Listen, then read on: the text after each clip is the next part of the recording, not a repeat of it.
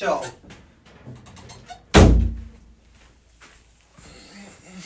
Daar ben ik hoor. Job Goud, hoe is, het, hoe is die maat? nou, het is vooral droge lucht hier in de studio, dus ik hoop dat het goed gaat. Het is uh, een paar lampen, droge lucht en ik ben een, uh, een flesje water vergeten, dus ik heb net even een slokje genomen. Mensen, ik hoop dat jullie een hele mooie avond hebben. Hey Mariette, lievertje, hoe is het? We gaan het over een heel gewichtig onderwerp hebben, jongens. Je hoort er nog wel eens uh, over uh, in films. Go to hell. En je hoort nog wel eens in je gedachten misschien iemand die je verwenst daar naartoe. Maar hé, hey, lieverd, ik, ik zat van de week te denken. Daar wordt eigenlijk weinig over gepreekt, hè? De hel. Wat is de hel? Waarom de hel? Zullen we dat eens een keer doen op een, op een Bijbelstudie? En uh, waarom uh, de hel? Uh, gaan de mensen naar de hel? Bestaat de hel? Ehm, sommigen geloven er niet in. Ehm, nou, de Bijbel is er heel duidelijk over. Ik denk, joh, dat is wel goed om een keer een avondje. Verwens jij iemand naar de hel? Niemand. Ik niet. Maar ik denk dat jij wel eens iemand in je gedachten gehad hebt vroeger. Dat dat je, dat, dat je die, die zou haten en boos op zijn. Maar ik denk inderdaad, Job, als je iemand naar de hel verwenst, dat, uh, dat is zo heftig. Dat is zo heftig. Ik denk als je dat als mens ziet, dat, dat je dat niet aan kan. Ja, er is één iemand die ik naar de hel verwens en dat is Satan zelf natuurlijk. Maar uh, de Bijbel is er heel duidelijk over. En dat wil ik gewoon aanstippen vandaag. Ook leerzaam, ook waarschuwend. Uh, Jezus is niet voor niks gekomen. Jezus kwam om, om, ons van de banden van de dood en van de Satan en de hel te verlossen. Dat zul je vanavond ook zien. Dat iedereen die in Christus is, verlost is van het oordeel, van de verdoemenis. En als je denkt dat Jezus niet nodig is om de verdoemenis te ontlopen, ben je misleid. Zul je vanavond ook zien. Vooral in het boek Openbaring wordt constant beschreven wat het werk is van de Satan. Hij misleidde de volken. Hij zorgt ervoor dat je een leugen gelooft, dat jij denkt dat er niks mis is, dat je op weg naar de hemel bent, dat je het zonder God prima af kan. We zullen vanavond zelfs naar iemand kijken van de kerk. Die bidt, die vast, die van buiten picobello gedrag had. En toch het doel miste. En uh, het is een heftige boodschap, mensen, als je over de hel praat. Want dat hoor je vandaag, vanavond, vandaag de dag bijna niet meer. Jezus heeft het vaak over de hel. Paulus heeft het over de hel. Johannes heeft het over de hel. Het Oude Testament heeft het over de hel. Ik wil beginnen met gebed. Ik wil aanstippen waarom de hel geschapen is. Dat zul je ook zien in de Bijbel. De hel is niet gemaakt voor mensen. Dat staat er. Ga in het eeuwige vuur, ga je vervloekten. Dat zijn, dat zijn op dat gebied mensen, maar dat is nooit Gods wil geweest. In het eeuwige vuur bereid voor de duivel en zijn engelen. Dus het is de plaats waar Satan en zijn engelen behoren te zijn. Dat heeft God gemaakt. En mensen, ik bid voor een zegen. Ja, die complottheorie en de vaccinaties doen we een andere keer, Suzanne. Als je mijn tijdje gevolgd hebt, dan uh, moet je weten hoe ik daarover denk. Maar we doen nu even Bijbelstudie. Als je het goed vindt. Vader, in de naam van Jezus Christus, uw Zoon, komen we tot u, Heer. Niet op werken der gerechtigheid die wij gedaan zouden hebben, maar op grond van uw genade. Het bloed van Christus. Heer, komen we tot u, die ons de toegang verschaft heeft door de Heilige Geest in uw tegenwoordigheid. Heer, Wilt u ons vanavond leren? Wilt u spreken door uw woord, door uw geest in de harten van mensen? Wilt u ons leren, onderwijzen, wakker maken, aanscherpen, aansporen, bemoedigen, waarschuwen? Zelfs de Bijbel zegt het. Het woord van profetie is om te vertroosten, te vermanen en om te wederleggen. Heer, dat willen we vandaag doen. We willen kijken naar de hel, naar Gehenna, naar Hades, naar het dodenrijk. Heer Jezus, wat zegt de Bijbel erover? En welke prijs heeft u betaald? Heer Jezus, we vragen zo uw zegen erover. Heer, leid ons in het woord vanavond. Zegen de luisteraars in deze tijden, Heer. Heer, wij willen graag uw waarheid. Heer, maar zonder een oordeel en zonder een hel, Heer, is er geen evangelie. Heer, want zonder een hel had u niet hoeven komen. Heer, een boodschap die confronterend kan zijn. Maar we willen uw woord laten spreken. U heeft het opgeschreven door de Heilige Geest, omdat wij het zouden lezen. En daar willen we naar kijken vanavond. Confronterend, maar heel erg rijk. We vragen uw zegen erover. In Jezus' machtige naam. Amen. Oké. Ik heb wat dingen opgeschreven. Ik wil beginnen met die tekst in Matthäus 25. Ik heb een mooi parallel gevonden vanuit Jezaja 63. Ik weet niet of we al die teksten vanavond, vanavond kunnen behandelen. Je weet dat ik vaak een onderwerp in één avond doe. Want je kan wel tien avonden wijden aan de hel. Uh, of aan de hemel, of aan Galaat, of aan Efeze. Maar ik doe een beetje uh, een overview, een helikopterview.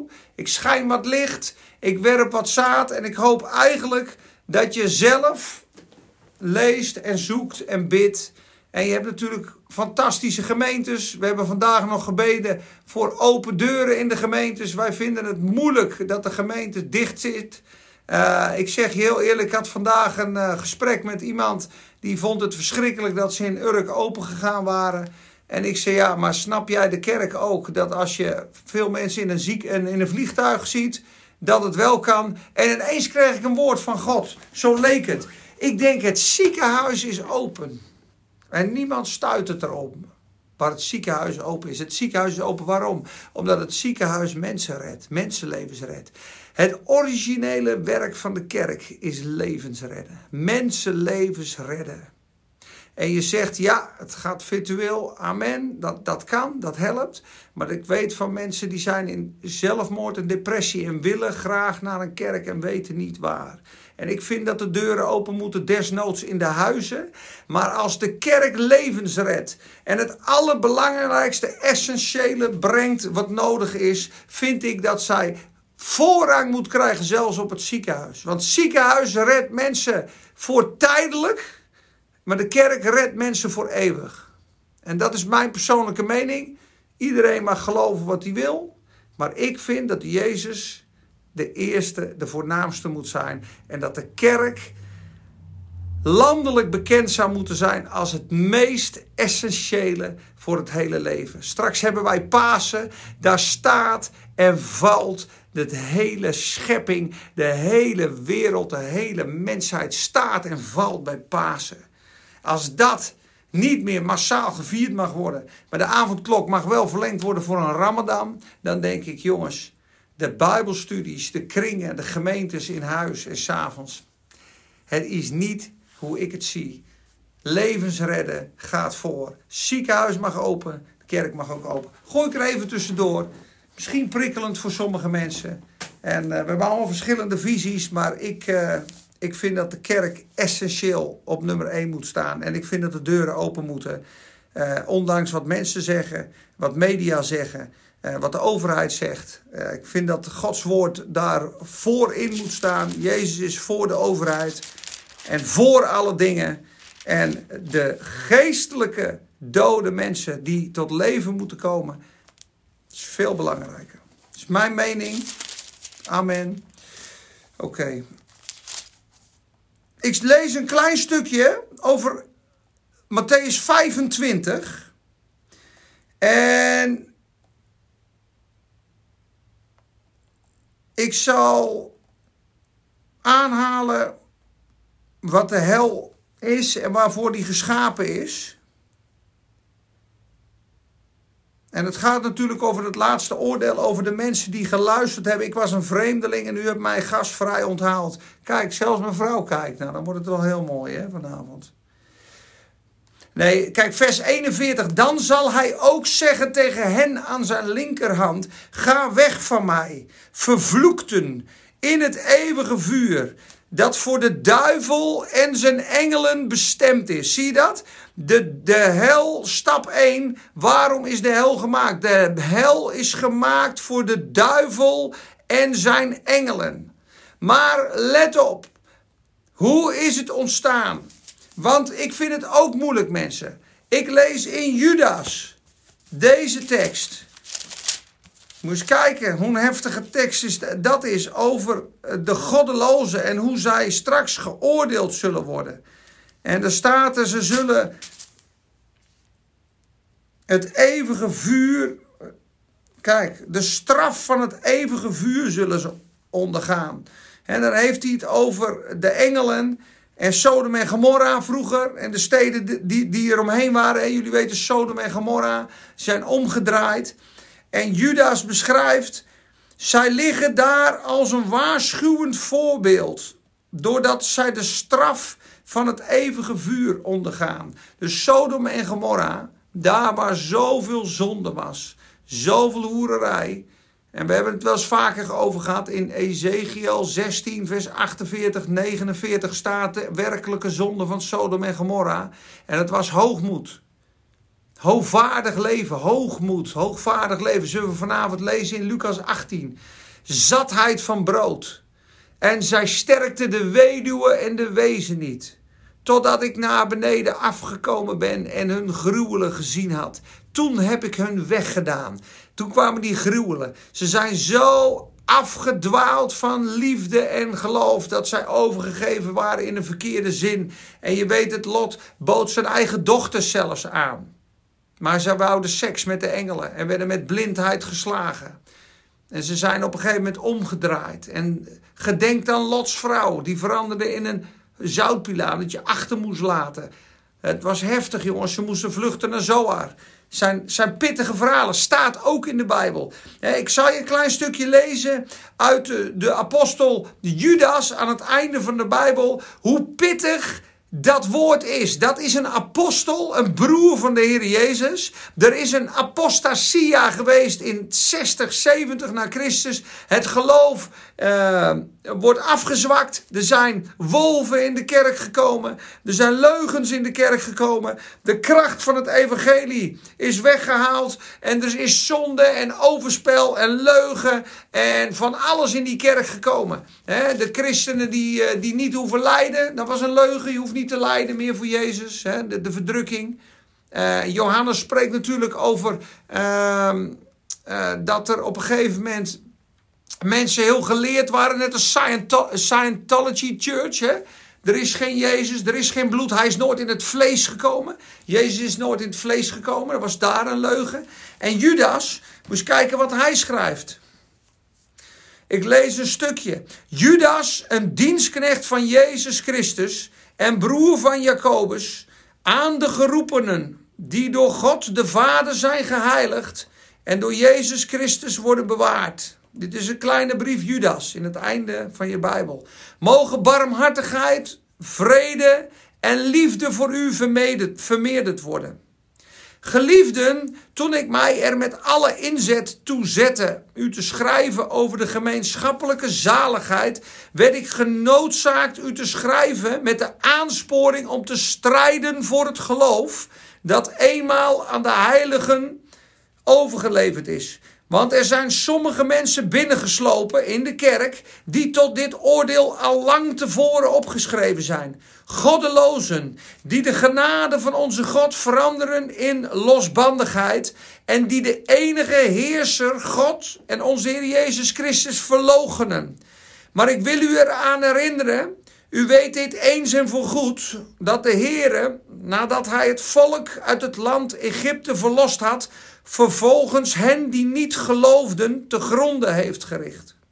En de engelen die hun oorspronkelijke staat niet hebben bewaard, maar hun eigen woonplaats verlaten hebben, heeft hij voor het oordeel van de grote dag met eeuwige boeien in de duisternis in verzekerde bewaring gesteld. Heftige woorden, jongens. Dit is ook de Bijbel. Evenzo is het met Sodom en Gomorra en de steden eromheen, die op dezelfde wijze als zij hoererij bedreven en ander vlees achterna zijn gegaan. Zie dat dus de engelen die gezondigd hadden, die namen zich vrouwen uit de mensenkinderen. Genesis 6, waardoor de reuzen op aarde kwamen. Dat was een grote zonde, de DNA-corruptie. Moet je J.D. Varig Varig maar eens over horen. J.D. Farag, uh, Calvary Chapel. En er staat, kijk, evenzo Sodom en Gomorra ging ander vlees achterna. Zie je dat? Man met man, dat, dat de Bijbel dat ander vlees noemt. Dat dat niet de natuurlijke weg is. Hoewel ik heel dichtbij en ook in mijn familie en vriendenkring mensen hebben die ander vlees nagegaan zijn. Ik kan je, je als persoon niet veroordelen, maar het gedrag wordt in de Bijbel bestempeld. En er zal een dag komen, mensen, dat als je dit noemt, de Bijbel gewoon voorleest, dat het hate speech genoemd gaat worden. Want dan eh, stoot je mensen tegen hun voeten. Maar in de tijd van Judas waren de zonden in de kerk zo groot, was de afval zo groot, waren er zoveel ongerechtigheden in de kerk binnengeslopen, dat hij die kerk oproept om te strijden voor het geloof, om die genade en die losbandigheid niet in losbandigheid eh, te doen veranderen. En dat wij aan Jezus trouw blijven. En daar spreekt hij straks over. Vlekken in uw liefdesmaaltijden. En dat het oordeel voor hen bewaard is. En daar haalt hij Sodom en Gomorra aan. Hij haalt overspelige engelen aan. Hij zegt, joh, hij wil eigenlijk laten zien: God laat niet met zich spotten. God is een eh, rechtvaardige God en er is ook een oordeel. Ik ga verder. Als dezelfde wijze als de engelen met de mensen gingen, zo hebben Sodom en Gomorra hoererij bedreven en zijn ander vlees achterna gegaan. Zij liggen daar als een waarschuwend voorbeeld. Hoor je wat ik zeg? Doordat zij de straf van het eeuwige vuur ondergaan. In het Engels staat er the vengeance of eternal fire. Dus de wraak van God is het eeuwige vuur over die grote ongerechtigheid. En dat is heftig. Niettemin, niettemin bezoedelen deze dromers ook nu op dezelfde wijze hun lichaam. Dat zijn de valse leraren. Zij verwerpen het gezag en lasteren al wat eer toekomt. En dan zegt hij, zelfs de aartsengel Michael durfde niet met hem te reden twisten, met de duivel, toen er een woordenwisseling was over het lichaam van Mozes. En hij zei, de Heere mogen u bestraffen. Maar deze slechte mensen lasteren alles waarvan zij geen kennis hebben. En met de dingen die zij, net als de redeloze dieren van nature wel begrijpen, richten zij zichzelf te gronden. Wee hun, ze zijn de weg van Kain ingeslagen. Ze zijn schandvlekken bij uw liefdesmaaltijden. Zie je dat? Ze zijn wolken uh, door de wind gedreven schandaden. Maar hier spreekt de Bijbel over eeuwige wraak van God. Het eeuwige vuur. De, de, de vengeance of eternal fire. Het is super pittig. Super pittig je Jezaja 63 leest. Dit is Jezus, mensen. Dit is het rechtvaardige oordeel over de wereld die gaat komen. God wil niet dat iemand verloren gaat, maar dat allen komen tot erkentenis der waarheid. Ja, dat is wat God wil. Niemand verloren. Allen tot erkentenis der waarheid. Dat allen tot bekering komen. Maar de mensen die hem afwijzen, in het kwaad volharden, en de waarheid onderhouden in ongerechtigheid. En er zijn nu systemen met banken, mensen, met corruptie, met mensen die, die, ze vermoorden, met kinderen die ze laten sterven, met ongerechtigheden die wij niet eens kunnen bedenken zo groot. En die zullen het oordeel van God dragen. En ik lees vanuit Jezaja 63. En dan gaan we straks naar Openbaring 19 en 20 gaan we lezen over het oordeel. En dan zullen we afsluiten met Lucas 18. Dat zelfs goede mensen, goede mensen tussen aanhalingstekens, ook verloren kunnen gaan. Kerkmensen, twee keer per week vasten. Ik geef altijd de tiende. Ik schaam mij niet voor God, maar had geen genade. En God is gestorven aan het kruis, de Zoon van God, om ons allemaal te redden. Maar zonder Jezus is er geen redding, mensen. Niemand komt tot de Vader dan door mij, zegt Jezus. Ik ben de weg, de waarheid in het leven. Maar wij willen een Jezus die knuffelt en liefdevol is. Maar er is ook een Jezus die de rechter van de aarde is. En dat zie je in Jesaja 63. Zo over de hel spreken en het oordeel. Moet je ook dat lezen. Dat is ook de Bijbel. Kan moeilijk uh, Jezaja 63 eruit gaan scheuren. Kan niet. Maar staat boven de dag van de wraak van God. Moet je opletten. Wie is deze die uit Edom komt? In helrode kleding uit Bosra.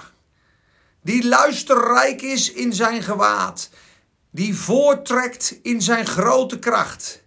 Ik ben het. Die spreekt in gerechtigheid. Die machtig ben om te verlossen. Waarom is dat rood aan uw gewaad? En is uw kleding als van iemand die de wijnpers treedt?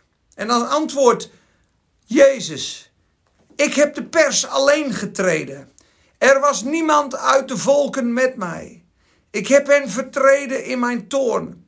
Hen vertrapt in mijn grimmigheid. Hun bloed is op mijn kleding gespat. Heel mijn gewaad heb ik besmet. Want de dag van de wraak was in mijn hart. Het jaar van mijn verloste was gekomen. Ik keek rond, maar er was niemand die hielp. Ik ontzette mij, want er was niemand die ondersteunde. Ik heb de volken vertrapt in mijn toorn. Ik heb hen dronken gemaakt in mijn grimmigheid. Ik heb hun bloed ter aarde doen neerdalen. Moest, moest lezen hoe heftig. En toen ik dit las vorige week, dacht ik: hé, hey, een rood gewaad. Mijn bloed het bloed op het gewaad. Staat dat niet in openbaring? Ja, staat in openbaring 19. En openbaring 19 is een tijd, dan heeft de aarde kans op kans op kans op kans gehad. En ze verharden zich. En in openbaring 6 tot 16 zijn 6, 11 hoofdstukken van oordeel. En daarna is het oordeel is het gewoon afgelopen. Dan wordt iedereen die een vijand is van de gerechtigheid, die zelfrechtvaardig is, onbekeerlijk, een leugenaar, een tovenaar, een moordenaar, een, een verkrachter, een listige, een iemand met jaloezie, iemand die zich niet tot God gekeerd heeft en de liefde van de waarheid niet ontvangen heeft en niet erkend heeft, Jezus, ik ben een zondaar, ik heb u nodig. Die mensen, mensen, gaan allemaal onder de wraak en het oordeel van God vallen. Dit is de Bijbel. En waarom zo'n heftig oordeel? Waarom is God zo boos dat hij eeuwig wraak neemt? Wat is er toch in die mens waarvan wij zeggen, joh, die heeft toch niks fout gedaan? Wat is er nou in die mens waarom God zijn eigen zoon moest zenden aan het kruis om de prijs te betalen? Wat is er toch gebeurd in die val in het paradijs? Dat die mens was goed geschapen. Hij rebelleerde tegen God. En Satan kwam binnen. En hij stierf. En zijn natuur haatte God en werd ik gericht. En hij zag dat hij naakt was. En vanaf die tijd is de mens een vijand van nature van God geworden. Hoe mooi, heilig, vroomheid ook op kan poetsen. Hij heeft een probleem met God. Hij is van goddelijke staat gevallen naar vleeselijke staat in vijandschap. Hij is een vijand van God geworden. Jezus is zo heftig, die zegt zelfs in Johannes 8: You are of your father the devil. Zegt hij tegen de mensen van de kerk. U hebt de duivel als vader, zegt hij. Terwijl ze daar elke sabbat die gebeden zaten te beden. Ze staan voor de klaagmuur. En ze baden en ze baden en ze hadden de Torah gelezen. En Jezus komt langs en die zegt: Wie van u overtuigt mij van zonde? Eer Abraham was, ben ik. En ze wierpen stenen op hem. En ze zeiden: Je bent een duivel, je bent een demon. Nu weten we het zeker. Zij haten Jezus. De kerk de mensen van de kerk, die elke sabbat aan het aanbidden, aan het zingen waren, de, de geboden van God aan het volbrengen waren. Die geest heeft Christus aan het kruis geslagen. Die wilde Jezus niet. Die wilde Jezus niet. En hij zei om ze wakker te schudden: Jullie zijn kinderen van de duivel. Door de zondeval zijn wij vijanden van God geworden. Ik ga zo, ga, ga zo lezen in openbaring, maar ik ga eventjes een fundament leggen voor de mensen in de kerk en ook voor de mensen daarbuiten. Dat hoe mooi wij ook van de buitenkant eruit zien. Onze natuur, onze gevallen natuur, is een vijand van God. De zonde macht in ons is een vijand van God. Aanbid God niet, zoekt God niet, heeft God niet lief, wil mooi zijn voor zichzelf met politieke liefde. Denkt zichzelf te redden, denkt zelf zijn God te zijn. En God heeft zoveel liefde voor die mens. Dat hij zei, joh, als we niks doen in de eeuwigheid, gaan ze verloren. Ze zien niet dat ze gevallen zijn. Ze zien hun eigen zonde niet. Ze zien hun ongerechtigheid niet. Ze zien niet dat het kinderen van de Satan geworden zijn. Hoe mooi je ook voor de dag kan komen. Hoe opgepoetst het ook kan lijken. Hoe Hollywood smile-achtig het ook kan doen. Ja, en niet door goede werken. Want er zijn mensen, ja, die geven veel weg. En er zijn mensen die doen wat voor anderen. Maar ten diepste, diepste, diepste, diepste in het licht van God zijn wij allemaal vijanden van God en kinderen van de vijand. We zijn geboren in Adam. We zijn een gevallen natuur geworden. En als God je dat laat zien, ik kan het je niet laten zien. Ik kan je wat teksten laten lezen uit de Bijbel. Ik kan wat licht schijnen. Maar God, als God jou laat zien wat je zondige staat voor hem is. Dan wordt jij je zonde ontdekt. Dan kom je, net als die man in Lucas 18, waar we straks mee af gaan sluiten.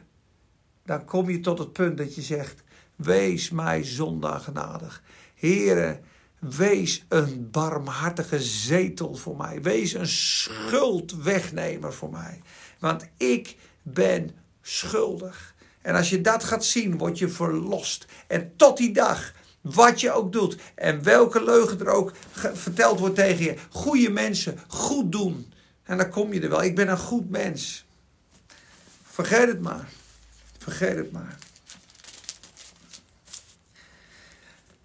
Efeze 2, paar versen. Ook u heeft hij met hem levend gemaakt. U die dood was door de overtredingen en de zonden, waarin u voorheen gewandeld hebt. Overeenkomstig het tijdperk van deze wereld, overeenkomstig de wil van de aanvoerder van de macht in de lucht. De geest die nu werkzaam is in de kinderen der ongehoorzaamheid onder wie wij allen voorheen eerst ook verkeerden. Wij wandelden in onze begeerte van ons vlees door de wil van onze eigen natuur, onze kwade natuur, en waren van nature kinderen des toorns, children of wrath, even as the others, staat er in het Engels. Maar God, die rijk is in barmhartigheid, heeft ons door zijn grote liefde waarmee hij ons heeft liefgehad, ook toen wij dood waren door de overtredingen, met Christus levend gemaakt. Uit genade bent u zalig geworden. Dus hij zegt hier tegen die Efeziërs, die tot geloof gekomen zijn, zegt hij, u was vroeger kinderen des toorns. U waren kinderen van de wraak. Net als Johannes 3 vers 36. Wie in de Zoon gelooft, heeft eeuwig leven. Maar wie de Zoon niet gelooft, wie hem ongehoorzaam is, Gods toorn blijft op hem. Zie je dat de hele wereld onder de toorn van God ligt. Maar dat Gods rechtvaardige toorn over die zonde, dat zijn hart groter is. Zijn barmhartigheid nog groter is. En dat hij zegt, joh, ik kan het niet toestaan. Als ik rechtvaardig ben in mijn gerechtigheid, moet ik de zonde bestraffen. Moet ik iedereen die een aanbidder is van Satan en verbonden is met het rijk der duisternis, moet ik straffen. Elke wetbreker in de hemelse gewesten, de breken van de wet, is de dood waardig, de eeuwige dood. The vengeance of eternal fire. Ik wil dat totaal niet. Ik doe er alles aan om ze te redden. Jezus, jij moet naar de aarde. Jij moet de wet gaan vervullen. Je moet ze redden. Er moet iemand sterven voor hen, want anders gaan ze verloren. En daarom kwam Jezus. Sterker nog, als Jezus niet gekomen was, waren wij nooit uh, konden we nooit gered worden. Dus iedereen die zegt, joh, ik ben een goed mens, ik ga naar de hemel omdat ik een goed mens ben, die is misleid. In de hemel zal iedereen zeggen, joh, ik was een zondaar. Ik deugde voor geen meter. Ik loog, ik bedroog. Ik, ik was een fantast. Maar ik ben door Jezus gered uit zijn genade. Hij is voor mij aan het kruis gestorven. En ik heb het geschenk van genade ontvangen. Die mensen zullen in de hemel tegenkomen. Je zult geen mens in de hemel tegenkomen die zegt: Joh, ik heb het zelf gered. Ik was zo'n goede vent. Ik heb niet gestolen. Ik heb niet gelogen. Ik ben een goede vent. Die zul je niet in de hemel tegenkomen. En waarom niet? Omdat Lucas 18 dat zegt. Dat zullen we straks gaan lezen. Daar sluiten we mee af.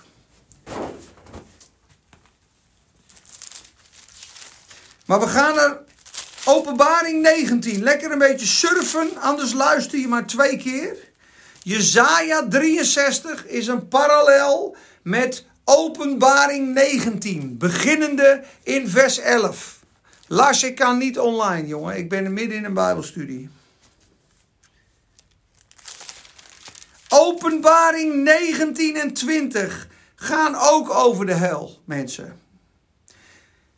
En je hebt gelezen net met mij over dat kleed van Jezus, wat rood is van bloed. Als hij zijn vijanden straks vertrapt als druiven in een wijnpers. Koning Jezus, de rechter van de aarde, zal elke leugenaar, elke corrupte wereldleider, elke oorlogsmisdadiger, maar ook elke zelfrechtvaardige fariseer en elk goed mens die niet zijn knieën gebogen heeft en God erkend heeft en omarmd heeft, zal die als zijn vijanden samen met de grote vijand Satan vertreden.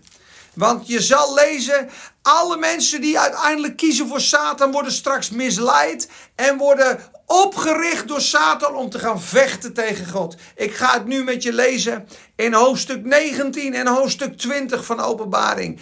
Oordeel zelf wat er staat. Lees het zelf na wat er staat. Dit is heel heftig, maar het is ook de Bijbel. En er staat boven dat hoofdstuk overwinning van Christus over de valse profeet. En de valse profeet, mensen, is Judas. En ik zag de hemel geopend. En zie, een wit paard. En hij die daarop zat, werd getrouw en waarachtig genoemd. En hij oordeelt en voert oorlog in gerechtigheid. Zijn ogen waren als een vuurvlam. En op zijn hoofd waren vele kronen. En hij had een naam die opgeschreven was, die niemand kent dan hij zelf. Hij was bekleed met een in bloed gedoopt bovenkleed. En zijn naam luidt het woord van God. Het is de naam van Jezus, het woord van God. Jezus is het woord van God, dus geestelijke waarheid. Hij was bekleed met een in bloed gedoopt bovenkleed. Herken je hem uit Jesaja 63?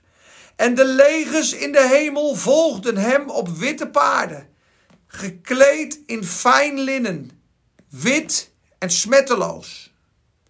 En uit zijn mond kwam een scherp zwaard, opdat hij daarmee de heidenvolken zou slaan.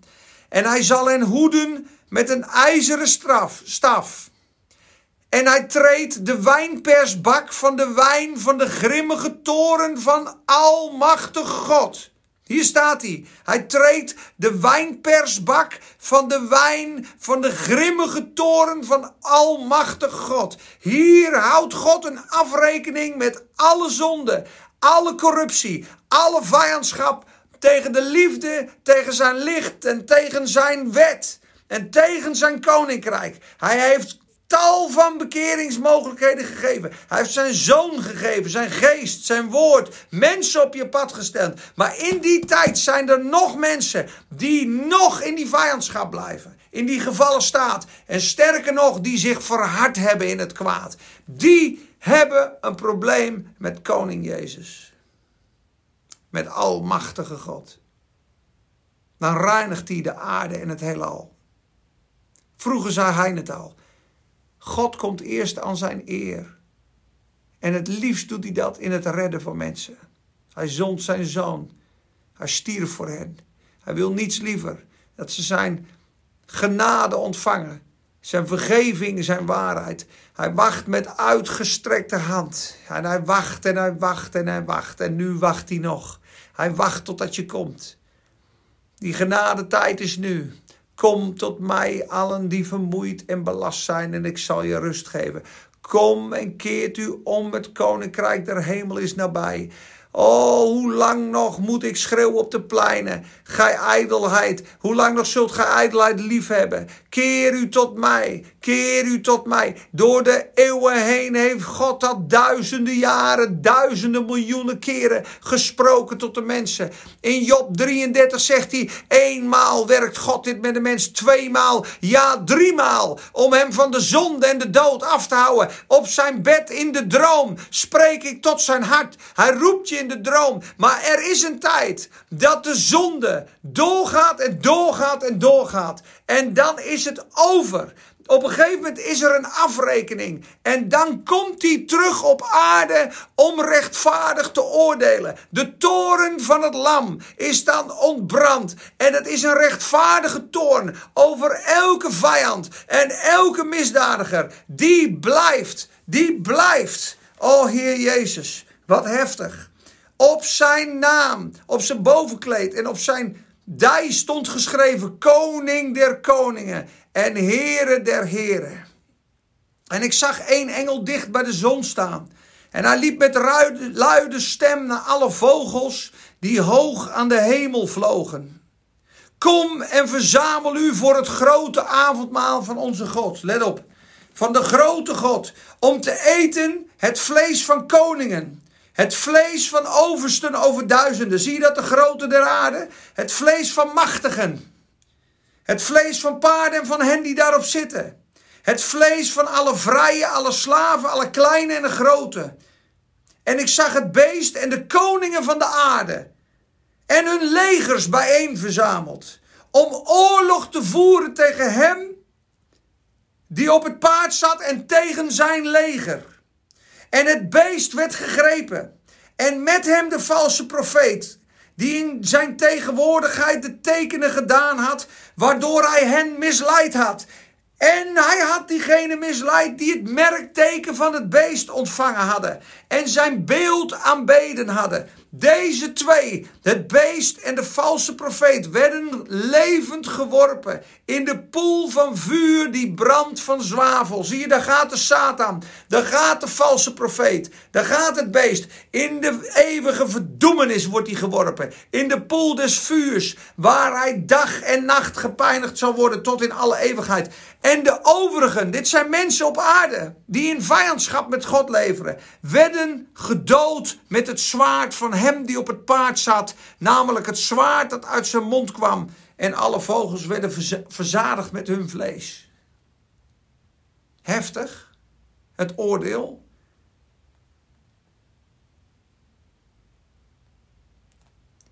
Kijk, en dan ga ik nog een keer een stap maken. In vers 20, hoofdstuk 20, vers 3 en dan een stap naar vers 7. En de duivel werd in de put gegooid voor duizend jaar. En de afgrond werd boven hem gesloten, opdat hij de volken niet meer zou misleiden. Staat er constant hè, bij Satan. Hij misleidde de volken. Hij misleidde de mensen dat ze zijn teken, zijn merkteken namen. En mensen, het merkteken staat niet alleen in hoofdstuk 13. Het staat in hoofdstuk 19 en hoofdstuk 20 ook. Het merkteken van het beest. Wat straks geplant gaat worden in het voorhoofd of in de handen. En je ziet het hier weer, hè? In hoofdstuk 20. En hij verzegelde de put. Hij kon de volken niet meer misleiden. Totdat de duizend jaar tot een einde gekomen zijn. En ik zag tronen. En zij gingen daarop zitten. En het oordeel werd hun gegeven. En ik zag de zielen die onthoofd zijn. Dus de mensen die geoordeeld worden door de Heer Jezus zijn mensen die op aarde de kerk, de heilige, onthoofd hebben. Dus ze vermoord hebben omdat ze het licht en de waarheid brachten. En ze waren niet welkom in de wereld. Martelaren voor God. Moest nagaan dat je een hoofd van een heilige eraf hakt. En dat je in vijandschap met God bent. En dat God op een gegeven moment zegt: Nu is de dag der wraak aangebroken. Vanwege mijn verlosten. Je weet misschien nog uit de openbaringsstudies, hoofdstuk 6, de zielen onder het altaar. Dat ze bidden tot God en zeggen: Heere, hoe lang nog? Hoe lang nog voordat u ons bloed zult wreken op de aarde? En bidden ze. En we hadden het toen over, hey, de Jezus leert ons toch, bid voor je vijanden, zegent wie u vervloeken. Maar waarom bidden ze hier nu voor wraak dan? Omdat dat een andere tijd is. Dat de genadetijd is voorbij en dan is het de tijd van het koninkrijk. En op een gegeven moment is het de gerechtigheid van God. Zij zijn uit de grote verdrukking onthoofd. De Heer Jezus heeft de kerk opgehaald thuis. Er zijn mensen tot geloof gekomen. De, er zijn zelfs theorieën dat de christenen nog op aarde zijn. Laten we even links liggen. Maar stel je voor, je bent een kind van God. Je wordt onthoofd vanwege je geloof. Je bent in de hemel. En op een gegeven moment zeg je, Heer, hoe lang nog voordat u ons bloed zult wreken op de aarde? En God gaf als antwoord, het getal van hun zonde is nog niet vol. Ook uw broeders die op de aarde zijn, moeten nog net zo omgebracht worden als hen. En dan is de maat vol. De maat van de zonde is vol. De tijd is daar. En dan is het. De Heer Jezus gaat een grote schoonmaak houden over de aarde. Alle zonde, alle hoererij, alle ongerechtigheid. We hebben het gelezen, van 6 tot 16 is het oordeel over de wereld. Dan het oordeel over Babylon. Dan het oordeel over het geestelijke Babylon. Dan het oordeel over de Satan. Dan het oordeel over de doden. En dan komt de nieuwe hemel en de nieuwe aarde. Het is een boek van oordeel. Mensen, hoe heftig is het? En ik zag tronen en zij gingen erop zitten. En ik zag de zielen van hen die onthoofd waren om het getuigenis van Jezus en het woord van God en het beest en zijn beeld niet hadden aanbeden, die het merkteken niet ontvangen hadden op hun voorhoofd en op hun hand. En zij werden weer levend en gingen als koningen regeren met Christus duizend jaren lang. Maar de overige van de doden werden niet weer levend totdat de duizend jaar tot een einde gekomen waren. Zalig en heilig is hij die deel heeft aan de eerste opstanding. Over hen heeft de tweede dood geen macht. Ze zullen priesters van God en van Christus zijn en ze zullen met hem regeren als koningen duizend jaar lang. En wanneer die duizend jaar tot een eind gekomen zijn, zal de Satan uit zijn gevangenis worden losgelaten en hij zal uitgaan om de volken te misleiden. Hebben je hem weer die zich in de vier hoeken van de aarde bevinden, Gog en Magog, om hen te verzamelen voor de oorlog. Eén hoofdstuk later, nog een keer, na de duizend jaar, weer Satan met zijn plan. Weer misleiden. Weer krijgt hij het voor elkaar om de mensen mee te lokken met hemzelf. Eerst in die tijd met het merkteken en nu met een grote oorlog na het duizendjarig rijk. Omdat in dat duizendjarig rijk zoveel mensen geboren worden die nooit verzocht zijn geweest. Daarom wordt de Satan losgelaten. Ze worden beproefd. En wat gebeurt er? Ongelooflijk zou je zeggen. En hun aantal was als het zand der zee. Ze kwamen op over de breedte van de aarde, omsingelden de lege plaats van de heiligen en de geliefde stad. Zie je dat de mensen van de wereld uiteindelijk de kerk en het koninkrijk en God haten. En dat zij. Vuur uit de hemel van God daalde neer en hij verslond hen. En de duivel die hen misleidde, daar staat het weer, werd in de poel van zwavel geworpen, waar ook het beest en de valse profeet zijn. Zij zullen dag en nacht gepijnigd worden tot in alle eeuwigheid. Hoofdstuk 20, vers 11 tot 15. Daar eindigen we dit stuk mee en dan Lucas 18 en dan stoppen we. Want nu is de Satan in de hel, het beest is in de hel. En de, de, iedereen is in de hel geworpen. De Satan en zijn engelen. En dan gaat het verder. En ik zag de doden, groot en klein, voor God staan. En de boeken werden geopend. En nog een ander boek werd geopend, namelijk het boek des levens. En de doden werden geoordeeld overeenkomstig wat in de boeken geschreven stond, naar hun werken. En de zee gaf de doden die in haar waren. Ook de dood en het rijk van de dood gaven de doden die in hen waren. En zij werden geoordeeld overeenkomstig zijn werken. En de dood en het rijk van de dood werden in de poel van het vuur geworpen. Dit is de tweede dood. Dus het is de mensen gezet eenmaal te sterven en daarna het oordeel. En wie gestorven is met Christus, sterft nooit meer. Maar wie niet gestorven is met Christus, sterft een tweede maal. De tweede dood. Dit is de tweede dood, de poel des vuurs. En als iemand niet bleek ingeschreven te zijn in het boek des levens, werd hij geworpen in de poel des vuurs. Dit is het evangelie aan de andere kant, de negatieve zijde van het evangelie. Het is dat tweesnijdende zwaard. Jezus is gekruisigd en biedt zijn vergeving aan. Maar er is een tijd dat de mensen die niet in het boek des levens staan, in de poel des vuurs geworpen gaan worden. En nu rijst gelijk jouw vraag. Wie staan er dan in het boek des levens? Wie staan er in het boek des levens? De Bijbel geeft de Bijbel antwoord. De Bijbel legt de Bijbel uit, mensen. Als je een tekst niet begrijpt, bid tot God. Zeg, Heer, staat die tekst ook nog op een andere plaats? Jazeker. Psalm 69, 28. Wat staat daar over het boek des levens?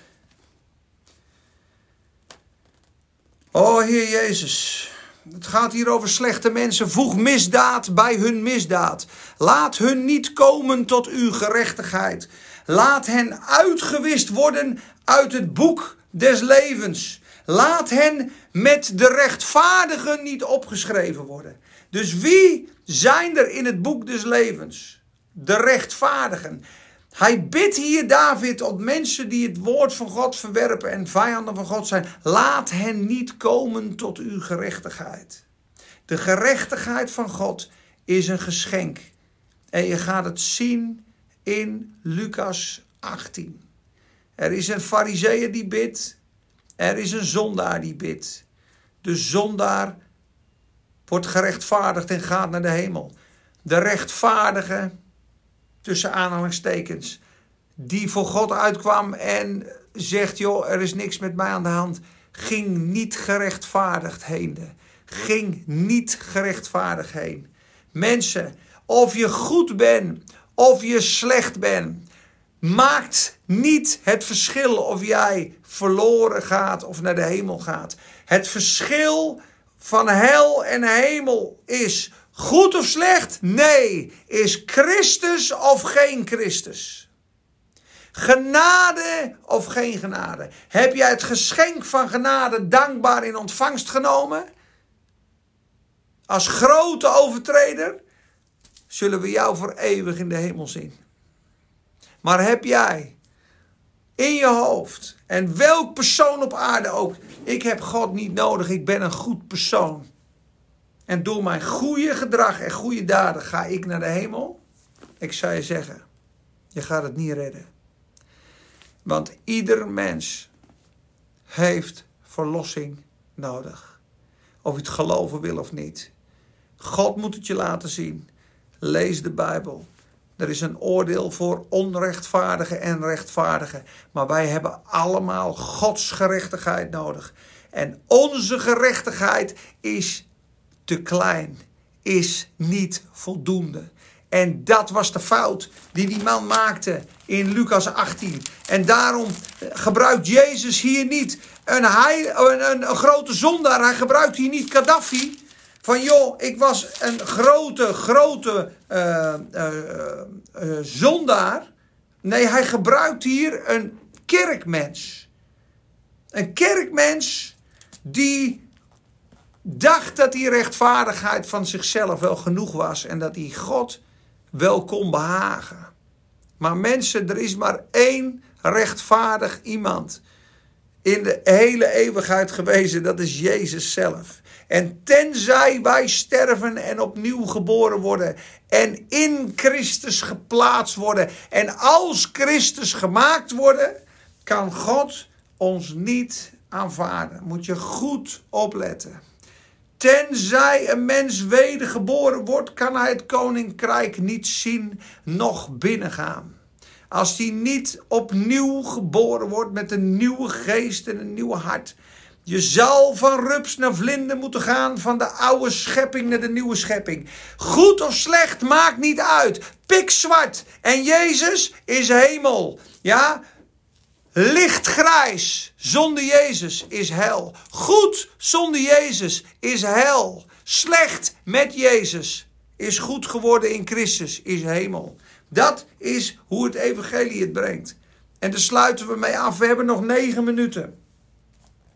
De fariseer en de tollenaar staat erboven. De fariseer was in die tijd de meest rechtvaardige, de meest goede, de meest welluidende, welsprekende persoon. En de fariseer en de tollenaar was de grootste rat die, die, die kon hebben.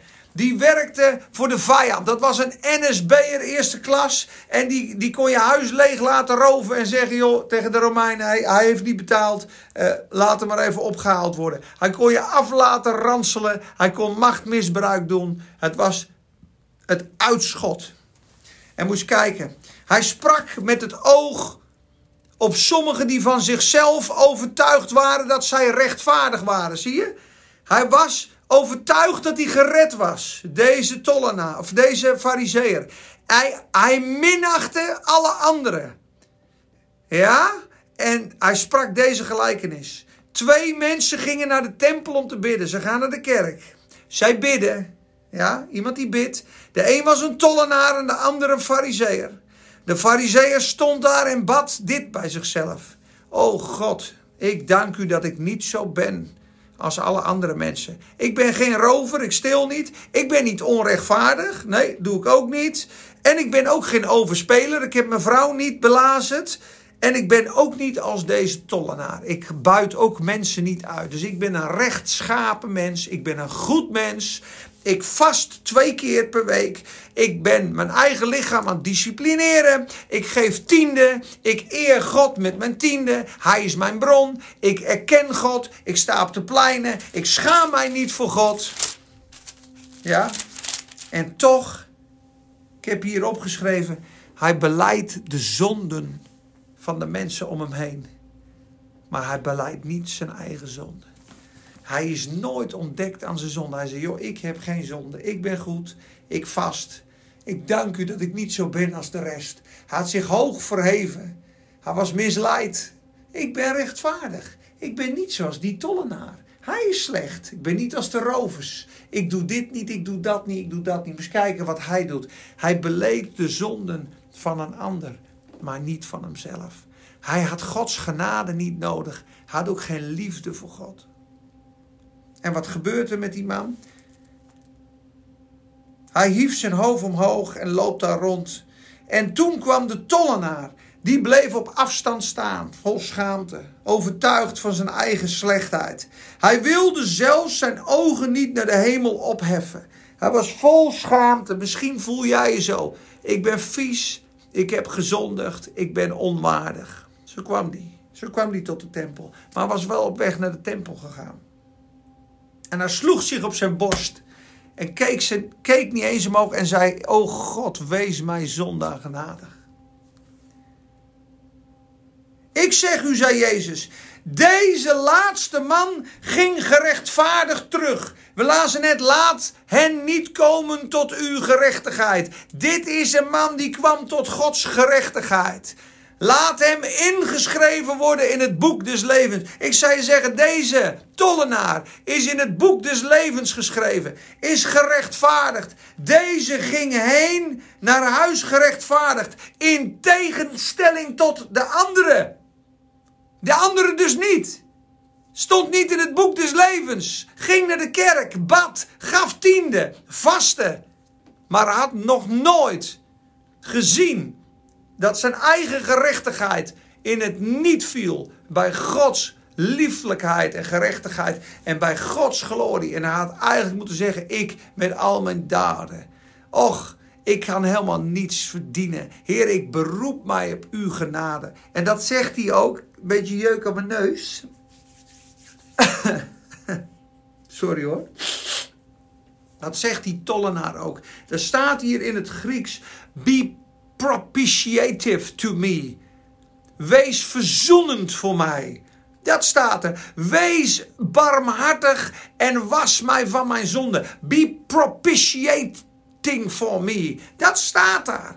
Wees een zondoffer voor mij, o Heer. Dat zegt die tollenaar. Wees een zondoffer voor mij, o Heer. Want ik ben schuldig. Ik deug niet. Ik heb schaamte. Ik ben ellendig. Ik verdien het niet.